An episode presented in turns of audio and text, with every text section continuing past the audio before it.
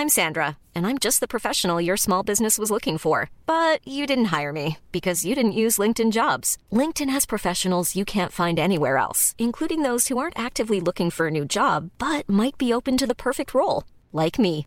In a given month, over 70% of LinkedIn users don't visit other leading job sites. So if you're not looking on LinkedIn, you'll miss out on great candidates like Sandra. Start hiring professionals like a professional. Post your free job on linkedin.com/people today. Hey Dave, Yeah, Randy. since we founded Bombus, we've always said our socks, underwear and t-shirts are super soft. Any new ideas? Maybe sublimely soft. Or disgustingly cozy? Wait, what? I got it. Bombus. Absurdly comfortable essentials for yourself And for those facing homelessness. because one purchased equals one donated. Wow, did we just write an ad? Yes. Bombas. Big comfort for everyone. Go to bombas.com slash ACAST and use code ACAST for 20% off your first purchase.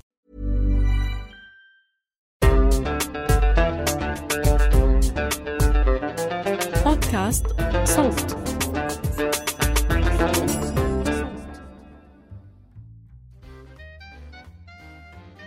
حقول. حقول قمح ولا ذرة؟ لا قمح ولا ذرة. حقول بترول؟ لا. حقول ألغام؟ كمان لا. حقول المعرفة البشرية. ميادين للبحث بمجالات علمية متخصصة. حقول دراسية وظيفتها فهم الوجود. من زاوية بتخص كل حقل. العالم أكبر من أن يفهم دفعة واحدة. كل حقل بيركز على جزء وبيترك الأجزاء الأخرى وكأنه بيحكي لنا هون أكثر جزء مهم نفهمه عن الحياة. بيتزا موزعة على 12 قطعة؟ مش تماما. الموضوع أعقد شوي. خلينا نحكي لوحة فسيفساء هائلة.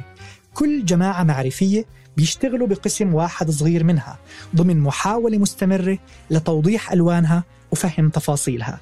جوا المعرض المفتوح الدائم اللي اسمه العالم.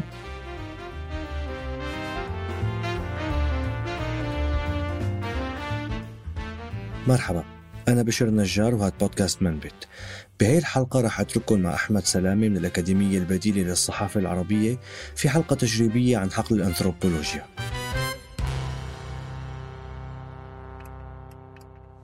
تخيل نفسك كائن فضائي غير مرئي.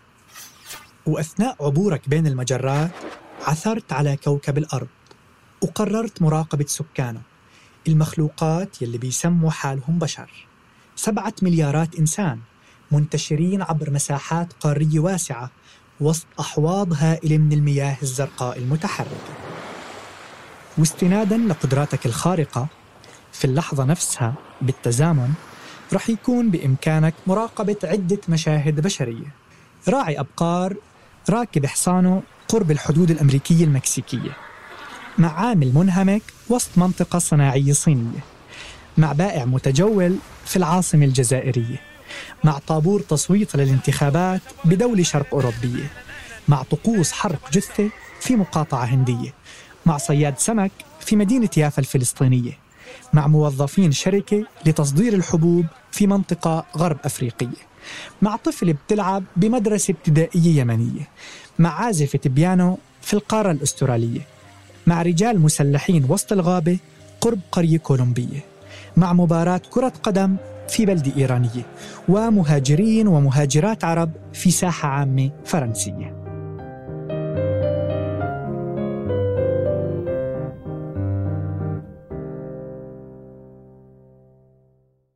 انت بهالحالة أمام هالمشهد كائن فضائي بتحاول تفهم شو بيعمل البشر على سطح كوكبهم.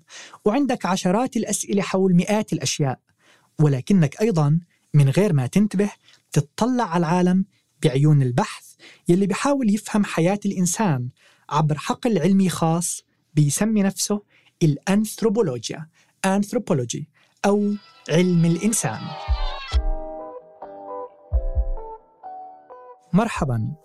أنا اسمي أحمد وأثناء تدربي في الأكاديمية البديلة للصحافة العربية تناولت مساق بعنوان في الصحافة كما في الأنثروبولوجيا. في البداية سألت حالي شو علاقة الأنثروبولوجيا بالصحافة؟ وبس بدأ التدريب مع حنان السبع أستاذة الأنثروبولوجيا بالجامعة الأمريكية في القاهرة. اكتشفت أن الأنثروبولوجيا هي طريقة جديدة ممكن نشوف فيها الإنسان وبالتالي نطلع على العالم من زوايا جديدة. وهيك بيكون بالإمكان خلق مواد صحفية استثنائية عن مشاهد عادية بنشوفها كل يوم حوالينا. وبس تقدمت بطلب قبول برنامج ماجستير مرتبط بدراسات الاستعمار في فلسطين بجامعة بيرزيت. كان علاء العزة أستاذ الأنثروبولوجيا بالجامعة موجود ضمن لجنة المقابلة. ولاحقا فهمت أكثر كيف بتساعدنا الأنثروبولوجيا بفهم واقع سياسي معقد؟ عبر الانطلاق من الحياة اليومية لواقع الناس تحت الاحتلال. بهالحلقة الخاصة من بودكاست منبت حاورت حنان وعلاء لحتى أفهم أكثر شو يعني أنثروبولوجيا. الإنسان أي إنسان بهالعالم عاش زمان عايش أو لسه ما انولد مش ممكن فهمه من دون انتمائه للبشر هو جزء من الناس من هالكائنات اللي مسيطرة على العالم. من هاي النقطة تحديدا من الإنسان باعتباره المكون الأساسي للتجمعات البشرية بياخد علم الأنثروبولوجيا موضوع الدراسي. والإنسان موضوع الأنثروبولوجيا له بعدين مختلفين بحاجة للدراسة. أولا هو كائن حي معقد بيحمل سمات بيولوجية وشكلية بتميزه عن غيره ولكنه بالنهاية مثل باقي الكائنات الحية. عنده احتياجات جسمانية يومية وبيجي للعالم عبر الولادة وبيرحل عبر طرق موت متعددة باختصار خاضع لجميع قوانين الطبيعة الصلبة. ثانيا وبنفس الوقت هو كائن ذكي ما بيعيش الحياة مثل ما هي بالطبيعة إنما ضمن نمط حياة خاص هالنمط بنسميه ثقافة طريقة حياة تصورات واعية عن العالم تفكير منطقي منظم أفكار معتقدات وعلاقات مركبة مع بقية الكيانات بالوجود حيوانات ونباتات وجمادات. من هالثنائية تبدأ الأنثروبولوجيا تعريفها للإنسان كائن حي ثقافي وبتبدأ دراسته عبر فروعها المتشعبة.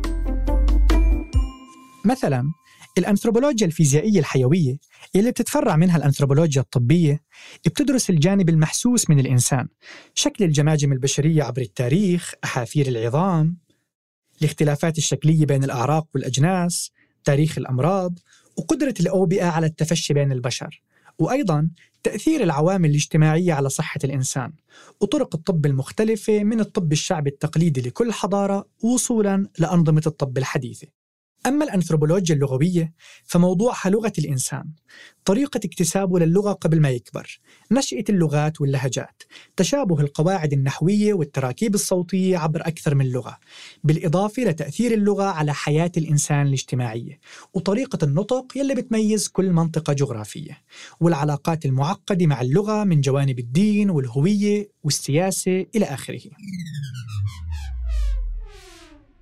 بأحيان كثيرة دراسة آثار الإنسان تعتبر دراسة أنثروبولوجية مثلا بالجامعات الأمريكية مش ممكن تحصل على شهادة بالأنثروبولوجيا بدون دراسة الآركيولوجيا علم الآثار.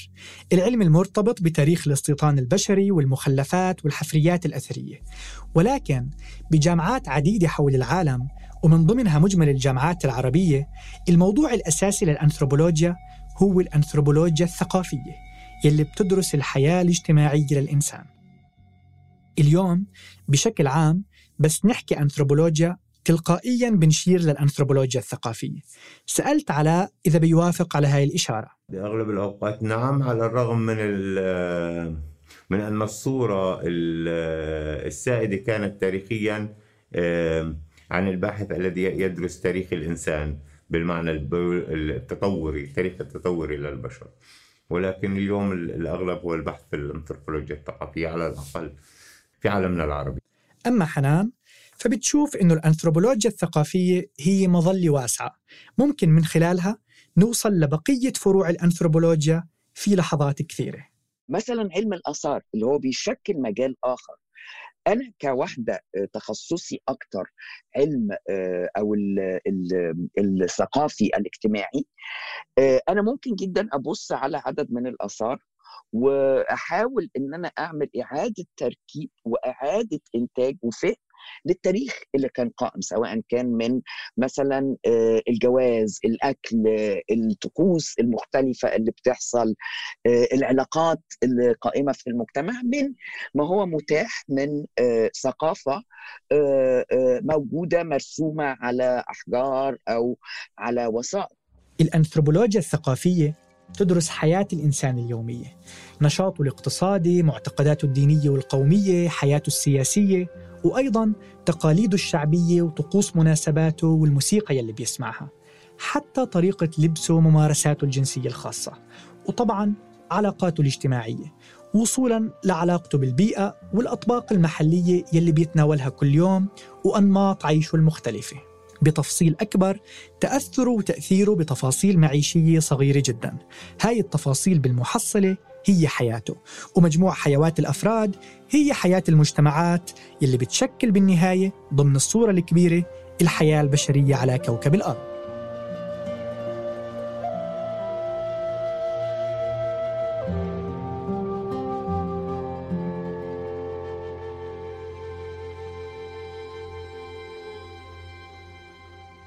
كيف ممكن أمشي بالشارع وأطلع على العالم بعيون أنثروبولوجية؟ استغرب. بمعنى أنه لا تأخذ الظواهر على اعتبار أنه مفهومة المعنى تلقائيا.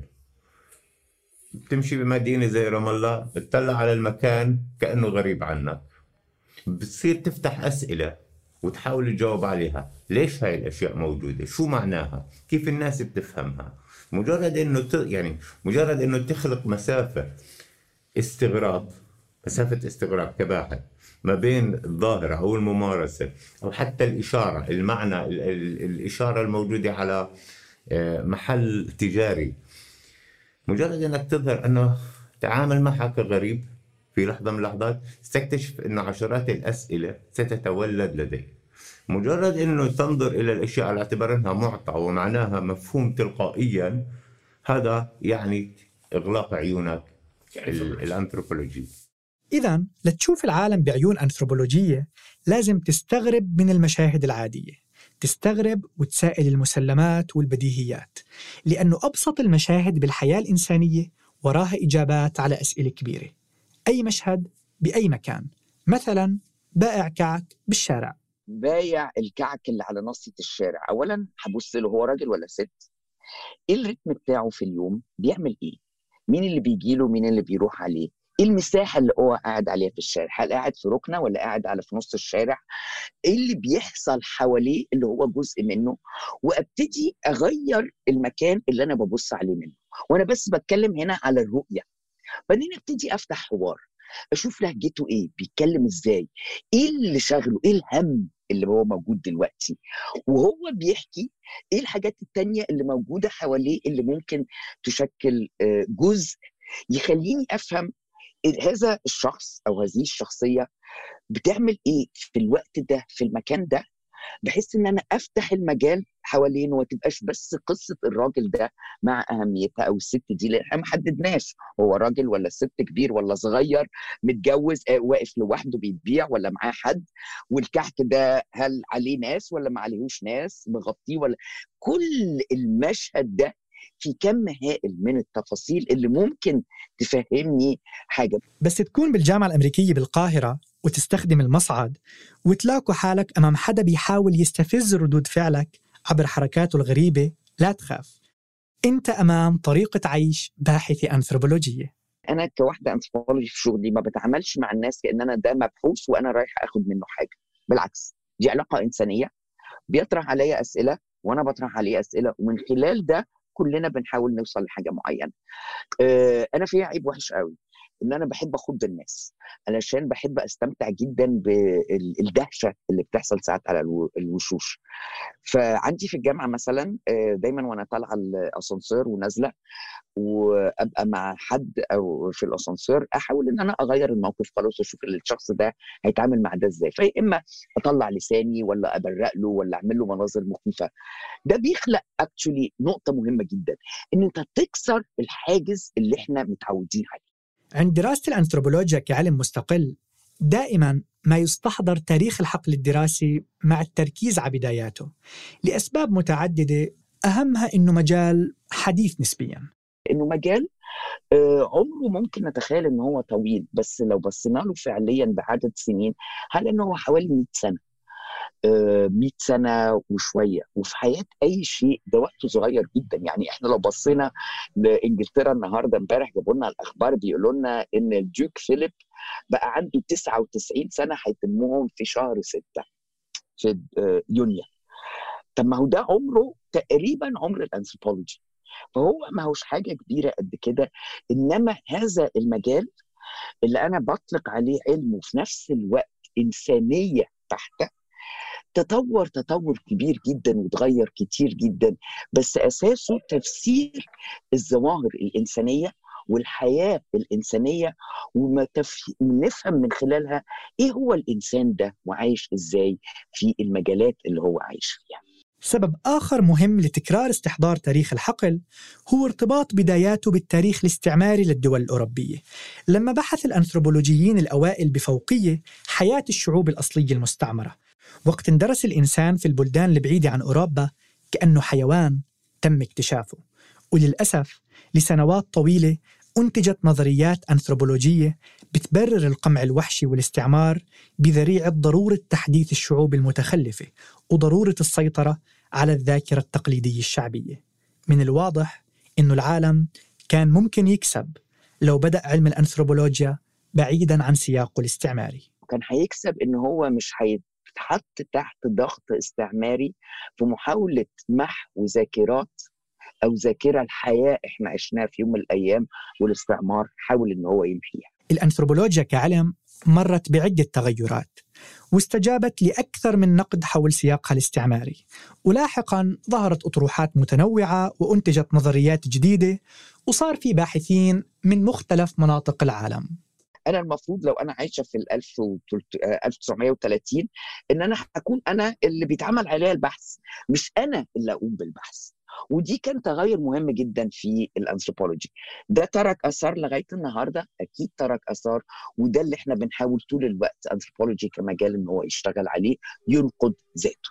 ما يميز حقل الأنثروبولوجي باعتقادي هو قدرة الباحثين على التأمل في تاريخهم أو في تاريخ الحقل ونقد السابق وتجاوزه. فالتاريخ الاستعماري اللي ارتبط مع الحقل أو الحقل ارتباطه مع التاريخ الاستعماري تم نقده تفكيكه ومحاولة تجاوزه.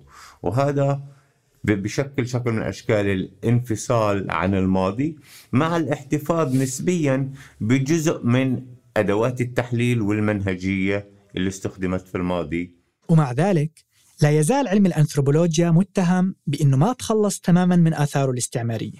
مثلا لا يزال الجزء الأكبر من البحث الأنثروبولوجي بيتم في دول الجنوب فيما يسمى العالم الثالث خارج الفضاء الغربي الأوروبي الأمريكي. وعدد الباحثين من دول الشمال اللي بيبحثوا دول الجنوب هو أضعاف الباحثين من دول الجنوب اللي بيبحثوا بأوروبا مثلا. مع ضرورة الانتباه إلى أن هذا التباين مرتبط بالفرق شمالا وجنوبا داخل قوانين القوة السياسية وشروط الحركة والسفر والأهم ميزانيات الاستثمار في البحث العلمي. هل في اليوم باحث من دول الجنوب بيبحث وسط الحضارة الغربية؟ مثلا باحث عربي أو أفريقي بيبحث في مونتريال، برلين، بوسطن أو لندن؟ آه, في عددهم أقل كتير منهم الضحيه رقم واحد اللي قاعدة قدامك. أنا جزء كبير جدا من شغلي كان في شركات العبره للقارات اللي هي الشركات الكبيرة في لندن. فعشت سنة جوه إحدى هذه الشركات بحاول أفهم هما بيشتغلوا إزاي. بس في ناس تانية أغلب شغلها في دول العالم الثالث وده حاجة من اللي أنا قلت لك عليها في اللي قبل كده إنه الآثار بتاعت الماضي مش من السهل قوي إن إحنا نمحيها مرة واحدة. مدارس عدة حول العالم بتدرس الأنثروبولوجيا أو على الأقل بتقدم مناهج مرتبطة فيها ولكن في معظم المدارس العربية اللي بيختفي فيها التفكير النقدي لصالح أساليب تلقين نمطية أكيد حتغيب مناهج نقدية مثل الأنثروبولوجيا في البيئة العربية كيف ممكن نستفز فضول طلبة مدرسة إعدادية تجاه الأنثروبولوجيا؟ أكثر قضية قد تكون مثيرة لمجموعة طلبة إعداديين هو التنوع الثقافي على المستوى العالمي. أنه المعاني الموجودة آه، بحوزتهم كطلبة عرب مثلا آه، قد تكون كليا مغايرة لأقرانهم اللي موجودين في مكان آخر بالعالم. بالتالي التنوع الثقافي هو مفتاح لجعل الحقل حقل الأنثروبولوجيا مثير بأنه يحاول أن يجيب على هذا السؤال سؤال لماذا هناك هذا التنوع الثقافي وكيف نفهمه وكيف نتواصل على هذا المستوى؟ وشو كان رح يخسر العالم. لو ما كان في حقل اسمه الأنثروبولوجيا. في حال غياب الحقل بالمعنى المؤسسي في الجامعة وتدريب الباحثين ال- ال- السؤال المعنى البحث عن معاني العالم ولماذا يخلق الناس معانيهم؟ هذا سؤال كوني الطابع. فسواء بحقل أكاديمي مؤسس أو في غيابه آه، سيبقى السؤال. ما تحاول الأنثروبولوجيا هون هو الإجابة على على يعني أو أو إظهار أو الكشف عن أقرب صورة ممكنة عن آليات وطرق خلق معاني للعالم. وبالتالي هون تصبح مفيدة أو مهمة بهذا المعنى. هي طريقة للنظر للعالم. كل الحقول الأكاديمية باعتقادي هي طرق للنظر للعالم اللي بتقول إنه هذه الطريقة أو هذا التوجه في آه، آه، في النظر هو الطريقة الأمثل لكشف الحقيقة لكشف حقيقة العالم. نحن نبحث عن الحقيقة.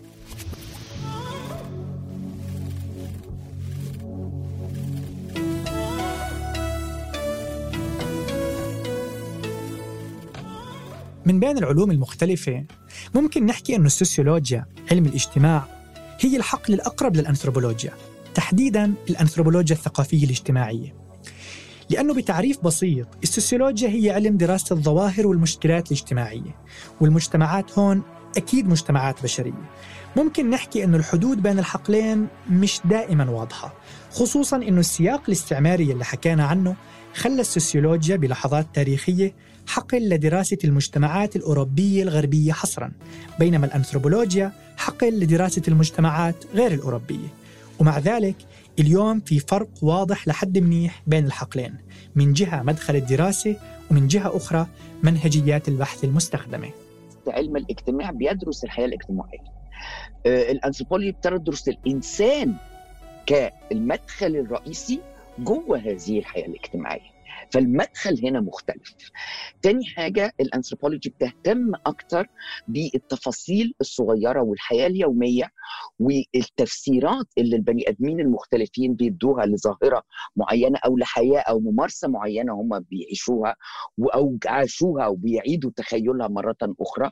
وفي اختلاف في المنهجيات المتبعة ما بين مجال علم الاجتماع ومجال علم الأنثروبولوجي. كم حلقة من المسلسل البريطاني الشهير بلاك ميرور كافيين لندرك فظاعة التغيير يلي بتملكه التكنولوجيا اليوم على حياة الإنسان. من الواضح أنه التكنولوجيا الحديثة تحديدا في الجانب الرقمي منها بتتجاوز التأثير على الحياة اليومية للأفراد نحو إعادة تعريف الوجود الإنساني وخلق منظومات عيش معقدة ما كان الإنسان بلحظة ما من تاريخه متخيل حدوثها. انطلاقا من هون خطر لي أسأل وين ممكن تكون الأنثروبولوجيا بعد مئات السنين من اليوم؟ وقت يعيش البشر حياة موجودة فيما بعد آفاق الخيال العلمي. على مدى تاريخ الإنسان آه، هناك جملة يعني على مدى تاريخ الإنسان هو صانع للمعاني ولا يمكن أن يعيش الإنسان بدون المعاني التي يصنعها. هناك جملة شهيرة للباحث العالم الاجتماع ماكس فيبر يقول بأن الإنسان يصنع شبكة من المعاني ويعيش داخلها. ف آه، يعني لن يتغير الإنسان بهذا المعنى في يعني لن يصبح في لحظة من اللحظات غير قادر على أو غير راغب في إضفاء معاني على عالمه كل فعل نقوم فيه نحن نعطيه معنى سواء كأفراد أو ضمن الوحدات الاجتماعية اللي بنعيش فيها. آه، المعاني دائمة بدونها نحن نتح... بدون المعاني سنتحول إلى كائن بيولوجي صرف. وما جعلنا إنسان هو انفصالنا عن بعدنا البيولوجي الصرف. وبالتالي إذا هذا مستمر آه، فالمستقبل سيكون بحاجة لباحثين في علوم الإنسان آه، أو علم الإنسان في هذه الحالة. إذا وعلى ما يبدو رح نظل عالقين في شبكة من المعاني لأنه هالشبكة هي اللي بتخلينا بشر. ممكن بهاي اللحظة ما عندنا القدرة لتخيل شبكة المعاني البشرية بعد ألف سنة بس أكيد رح تكون موجودة. وبهيك دائما حيكون للأنثروبولوجيا خصوصا بنسختها الثقافية شغلة تشتغلها ومهمات بحثية تنخرط فيها. والسؤال الآن هو إلى أين يمضي الإنسان بنفسه؟ البشر لوين رايحين؟ خصوصا مع تغيرات صاروخية بتجري على نوعنا الإنساني استجابة للعولمة والحياة الرقمية وتفكك مفاهيم الحكمة التقليدية هذا السؤال بحد ذاته هو سؤال أنثروبولوجي في مركز علم الإنسان المعاصر هاي الحلقة الخاصة من منبت من إعدادي وتقديمي أنا أحمد سلامة. أنتجت هذه الحلقة كمشروع تخرج من الأكاديمية البديلة للصحافة العربية تحت إشراف لما رباح ورنا داوود من صوت.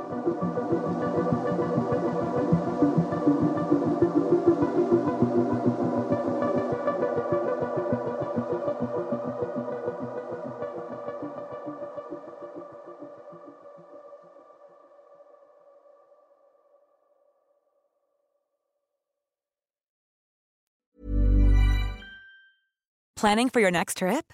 Elevate your travel style with Quince. Quince has all the jet setting essentials you'll want for your next getaway, like European linen, premium luggage options, buttery soft Italian leather bags, and so much more. And is all priced at 50 to 80% less than similar brands. Plus, Quince only works with factories that use safe and ethical manufacturing practices. Pack your bags with high-quality essentials you'll be wearing for vacations to come with Quince. Go to quince.com/pack for free shipping and 365-day returns.